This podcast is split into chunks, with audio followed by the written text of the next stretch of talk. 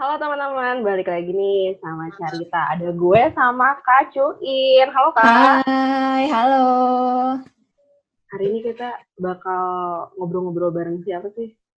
Hari ini kita kedatangan uh, teman kita cowok. Dia dulu mantan penyiar, terus pernah kerja di agensi, pernah jadi adminnya kuli, akun uh, kuliner, pernah juga terjun di beberapa bidang kuliner, dan sekarang salah satu ownernya Roti Pong. Ada Indono. Hai Indo. Halo, Halo Bang. Eh, halo Yova, Yova ya? Iya. Hmm, Yova aja. Mm, Ini nih, Jadi- kita sebenarnya di- pengen pengen apa mah? Pengen apa? Eh, Sharing- sharing-sharing sih di sini, ha, sharing-sharing sama Bang Indo. Kan Bang Indo salah satu owner eh kuliner ya, owner Mm-mm. eh, tempat makan di kuliner di kota Padang ya Bang, bener nggak? Iya, Padang. Hmm, jadi sebenarnya roti pong itu apa sih? Kita pengen tahu dikit nih. Terus gimana Abang bisa mulai usahanya? Boleh dong. Mhm. Oke, sebenarnya kayak roti pong ini konsepnya lebih ke street food ya. Eh, ini kayak sebenarnya udah beberapa udah ada yang bikin kayak gini juga. Itu kayak roti kukus. Mm-mm. Eh, Nah, terus bedanya itu paling di varian toppingnya. Jadi kalau biasanya orang bikinnya roti bakar atau eh, apa ya, yang pokoknya di toast deh. Sekarang eh, kita pengen coba bikin yang beda juga gitu. Jadi rotinya dikukus.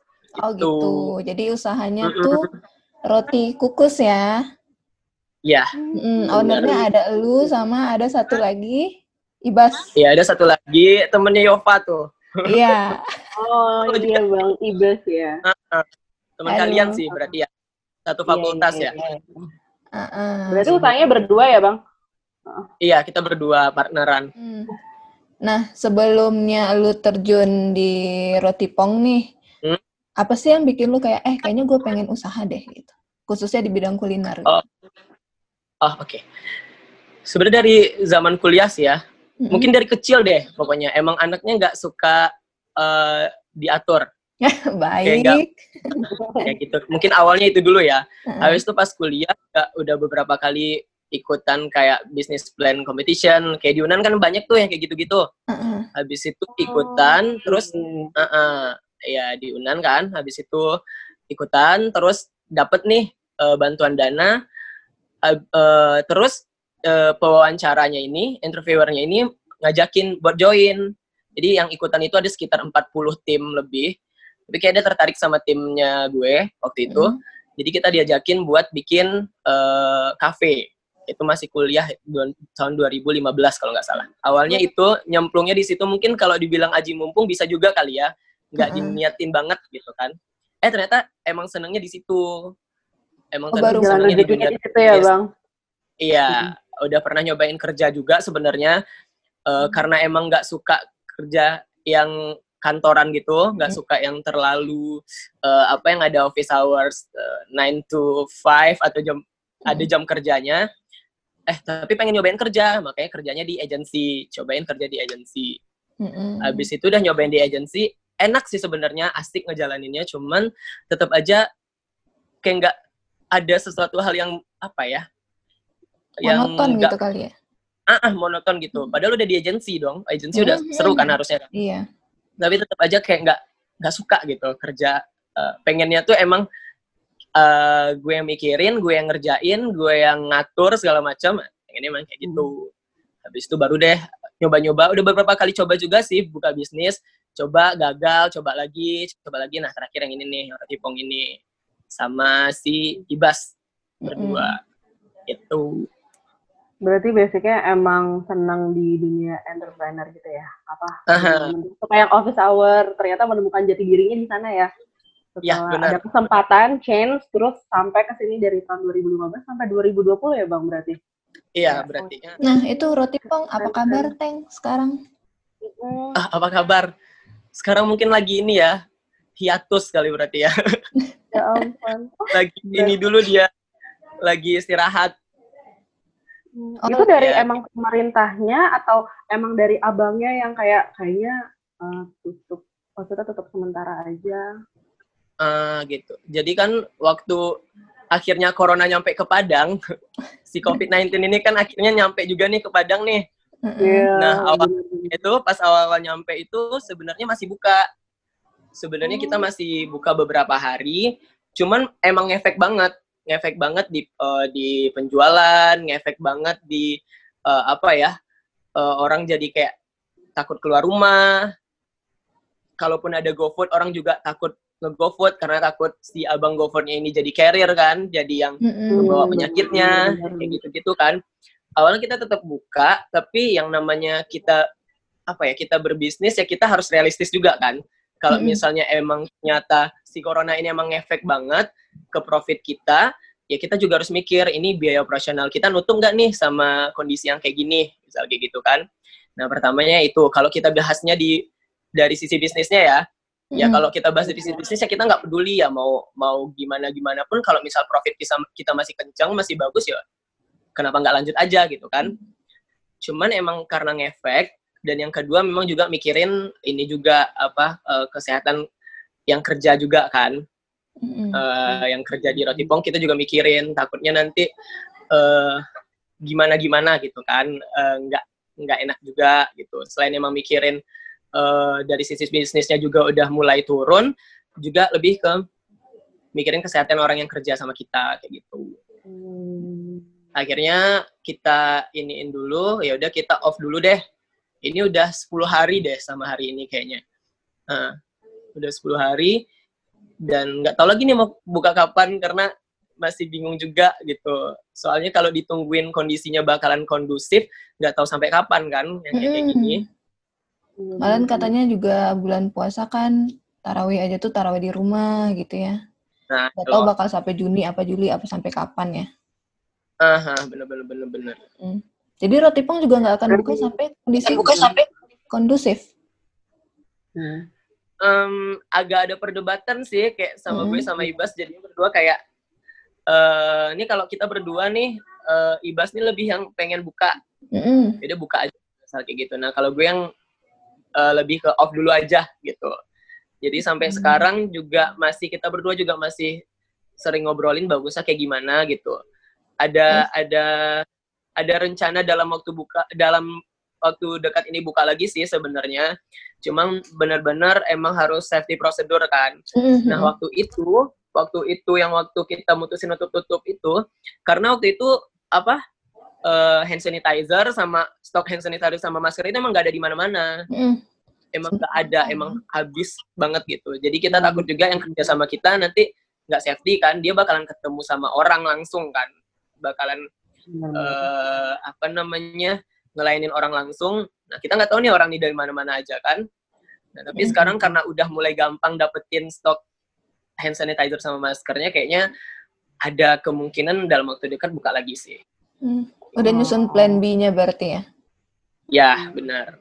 Tapi kalau misalnya ternyata udah buka masih sepi-sepi aja ya nanti dipikirin Iya. lagi gimana gimana kelanjutannya. Berarti untuk bisnis sendiri itu dengan adanya pandemi COVID ini berasa banget ya Bang? Kayak langsung efeknya tuh langsung kerasa di penjualan gitu ya, di bisnis. Bener-bener. Jadi orang bikin Padang. worry buat keluar gitu nggak sih ya, buat beli, Iya. buat sampai efek ke penjualan juga. Bang. kayak misal kayaknya yang ngerasain efek ini nggak nggak cuman roti pong aja sih sebenarnya ya kita di Hmm. Padang eh, pasti kita ngeriset juga kan nih oh, yang lain gimana nih kondisi Mm. bisnis bisnis kulit lain kayak Oh. gimana misal kayak gitu kan Heeh. kita ngeliat emang beberapa itu eh, banyak yang tutup untuk sementara waktu ada yang tutup 14 hari ada yang satu bulan ada yang emang sampai kondusif katanya kayak gitu kan cuman yang benar-benar bertahan buka itu yang paling kayak yang franchise franchise itu masih ya. masih buka sekarang iya dan itu pun pengamanannya juga lumayan ketat ya maksudnya kita masuk masuk ke sana harus cek suhu tubuh dulu habis itu pakai hand sanitizer emang kayak gitu dan duduknya juga udah di eh, di apa namanya dikasih eh, jarak Batasan-batasan itu ya. Mm. ya order pun sekarang udah jarak satu meter juga kayak kayak gitu deh pokoknya Oh, bener-bener. dan semenjak apa pa- pandemi ini orang lebih sering masak di rumah kan, lebih sering bikin sesuatu di rumah gitu. Jadi kayak ada waktu luang buat orang-orang masak, bikin bikin apa yang lagi viral sekarang kayak gitu kan. Iya benar. Emang iya, kalau untuk kuliner nggak kuliner aja sebenarnya untuk bisnis apa pun efek banget sih. Banyak yang PHK juga kan gara-gara ini. Iya Lalu, banyak. buat karyawan gimana tuh siasatinnya? Kan tetap harus gaji karyawan nggak sih? Kalau tiap. Ah gitu. Gue ciri ciri Kebetulan ilmu nih.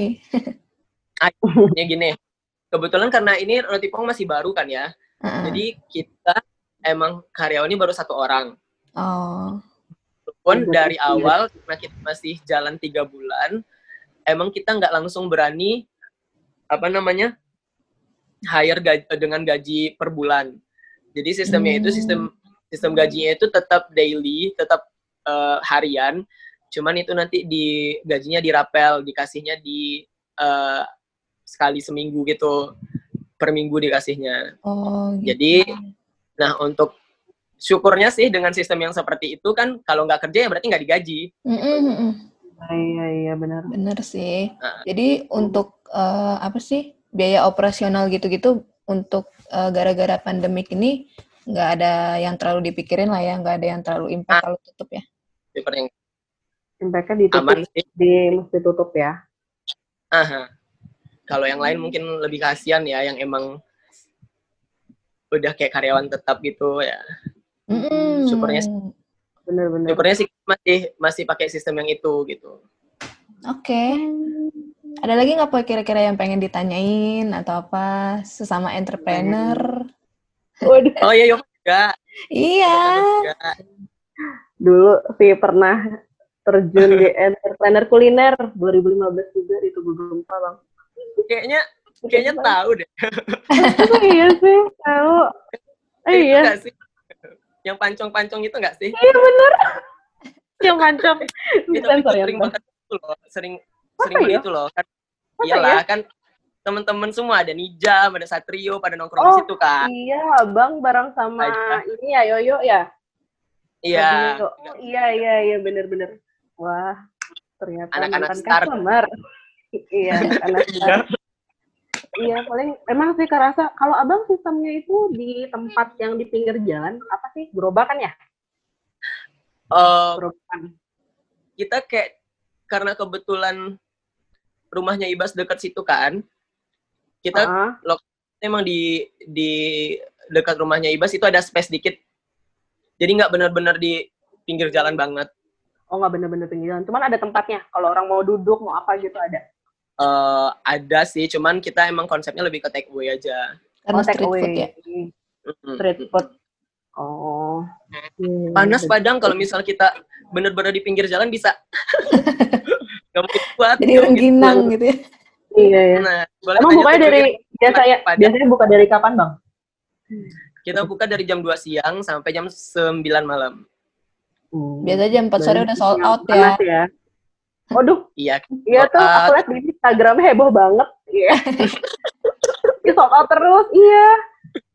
Iya. Iya, alhamdulillah kadang sholat, kadang juga gak, ada nggak habisnya juga kok namanya jualan ya. Itu pancongnya di dikemanain enak loh padahal. Poy. Gimana yang dia? Enak iya. loh padahal. Eh, Sekarang Ya, nggak ada yang jualan biar- kayak gitu ya. lagi di Padang. Iya. Eh. Nggak ada ya, nggak ada yang jualan yang pancong gitu-gitu. Mie.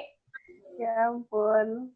Iya jadi Kalau di Padang kan agak sistemnya agak latah gitu ya. Kalau misalnya mie mie mie mie pedas-pedas, mie pedas semuanya. Padahal dulu dulu nggak ada sih yang jualan mie apa sih mie sama pancong ya iya Uh-uh. Beren, ya gitu lah karena dulu, mungkin karena mungkin keadaan Oh, sedih Ih, iya sedih. itu wah, habis itu kan ya emang nggak boleh jualan dulu lah pokoknya terus Mhm. ya udah itu kita kayak udah satu bulan lebih lah dengan gejolak kayak gitu kayak memutuskan ya udahlah mungkin emang belum di kuliner ini Oh, rezekinya iya. Hmm. Tapi Emang, sekarang tapi sekarang aja sih. iya di udah Tugu Gempa rame-rame aja ya, Teng ya. Nah, setelah itu, abis itu jadinya karena ngerasa rame dan aman, oh ternyata bersih, ternyata stigma-stigma buruk dari itu kan deket taman Iya, Nggak Badak. ada gitu ya. Stigma-stigma buruk tuh ternyata udah nggak ada, nggak ada. Ya, Ya berarti udah. emang lagi apes aja ya waktu itu ya. Uh, emang mungkin kalian ya apes, emang lagi apes aja. Terus suara mungkin lebih gampang ya. Kalau dulu kita pokoknya untuk jualan di situ ribet, banyak lah. Iya, sekarang udah gampang sih. Mm. Ya, kalau misalnya kalian jualan lagi, oke okay sih. udah jauh Tapi udah nggak di Padang. Aku mm, di Padang. Iya, susah juga kalau Di Padang itu kuliner tuh masih ini ya. Kan kayak abang nih kreasinya baru. Menurut aku sih cukup baru ya.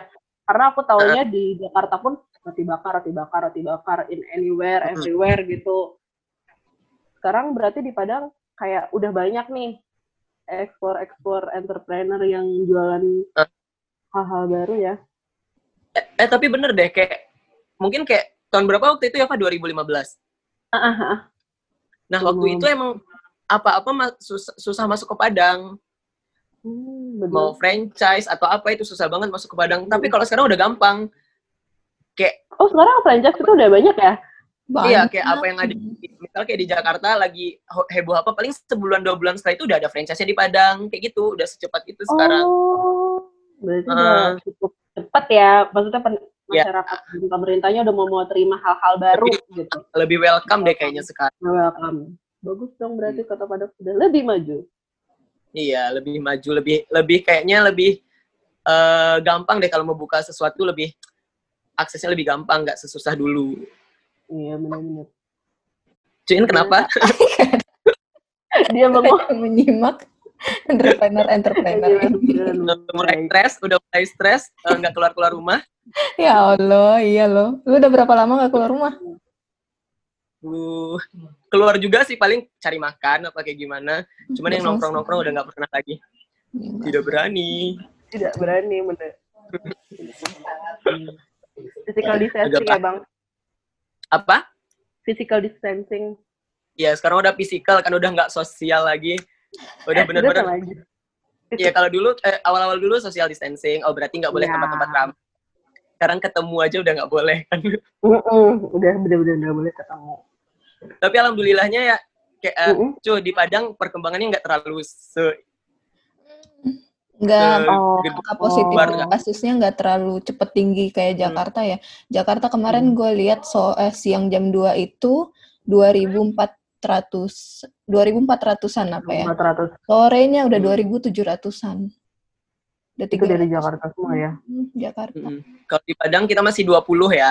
Eh Indonesia eh, bukan sih. berarti berharap eh Sumatera Barat sih, bukan berarti berharap nambah lagi, tapi ya, ya alhamdulillahnya gila. Jangan alhamdulillahnya perkembangannya eh, nggak uh, secepat di luar sana gitu. Hmm. Mungkin orang Padang lebih ini kali ya, lebih nurut orangnya kali ya. Iya, gitu ya, gue nggak ada keluar keluar rumah sih, jadi nggak nggak tahu. Jadi nggak tahu ya situasi. Gue yang nurut. Sepi aja sekarang. Mm -mm. kan nurut nih. Iya, kita nurut ya. Seorang cuan yang biasanya uh, ke mana-mana gitu kan. Gak bisa diam ya bang? Di rumah aja nih. Nurut kan berarti itu? Nurut. Bagus, bagus, bagus. Teng lu di mana gitu ya?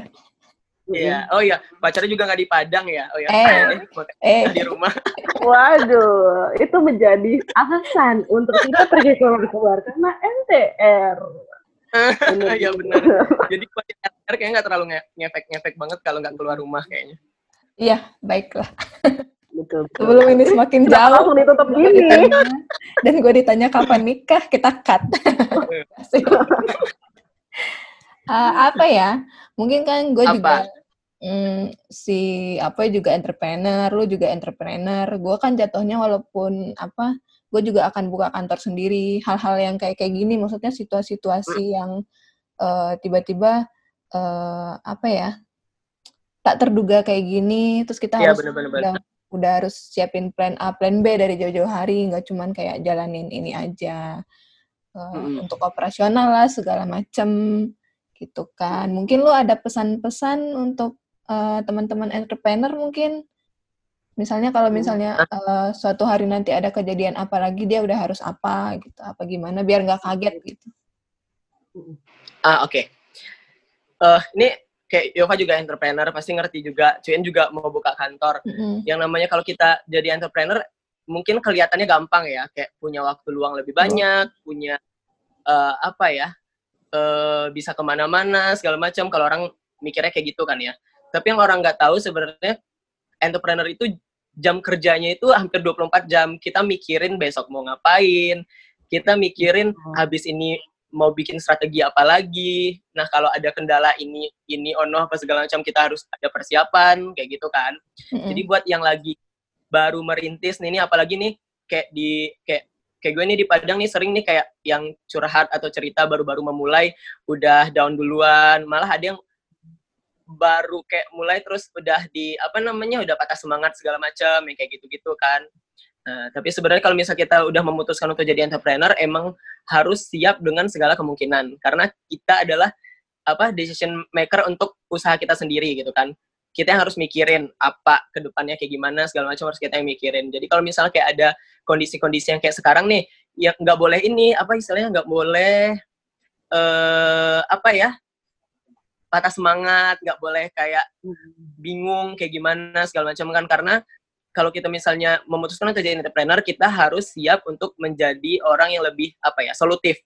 Jadi hmm. kalau ada masalah nggak nggak fokus ke masalahnya, tapi fokus nyari ini apa solusinya nih kayak gimana gitu.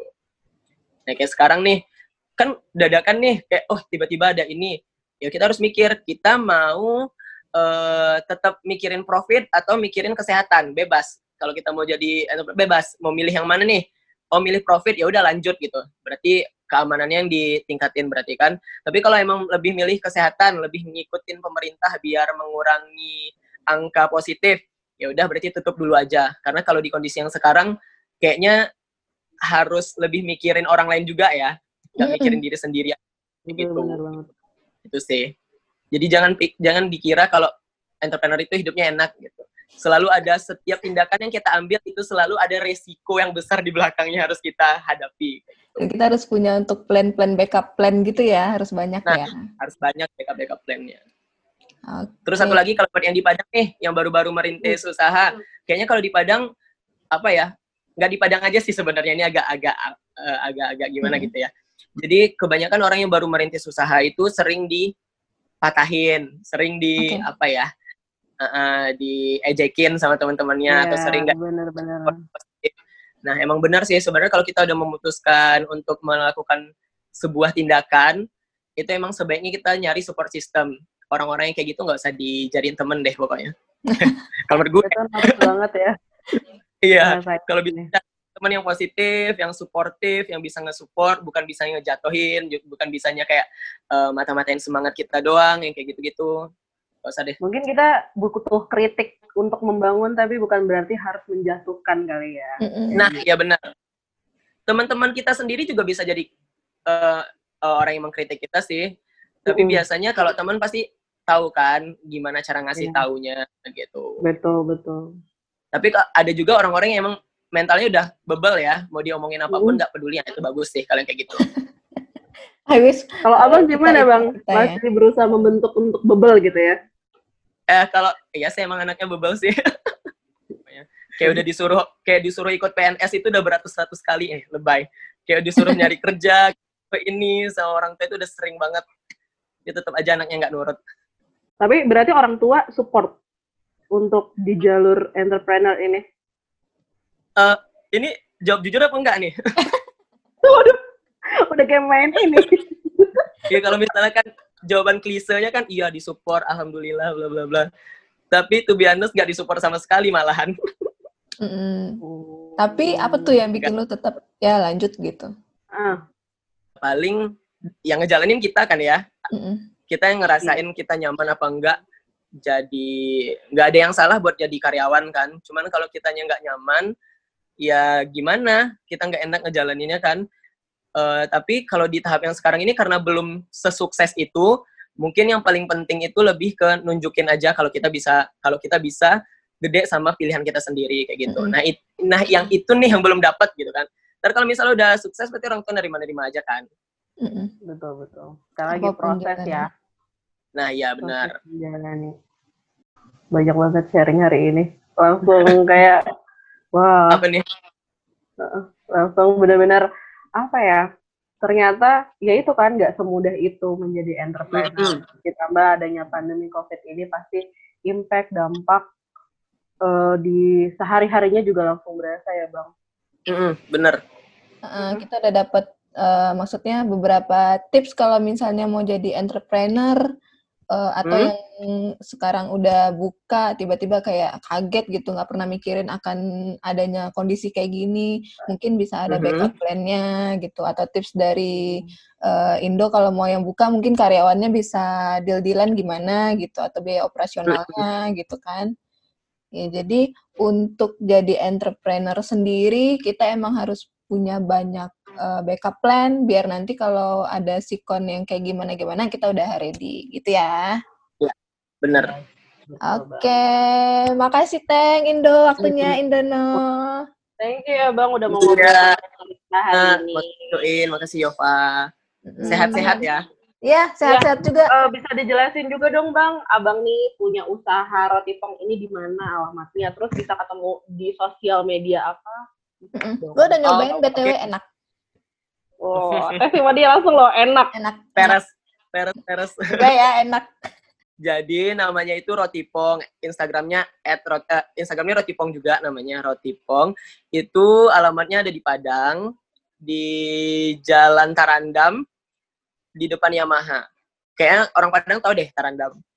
Ntar kalau misalnya eh, nggak uh, tahu alamatnya, tinggal diklik uh, alamat yang ada di bio Instagram. Ada ya di bio Instagram Rotipong ya? Ada, ada jelas semua di Instagram Bisa lah, gampang lah. Oke, okay, kita tunggu Rotipongnya buka lagi ya. Iya, doain kak. Oke. Okay. Iya bang, oke. Okay. Salam buat Ibas ya. Ya. Ya, dah. Thank you, Teh. Dah, Bang. Thank you, Bang.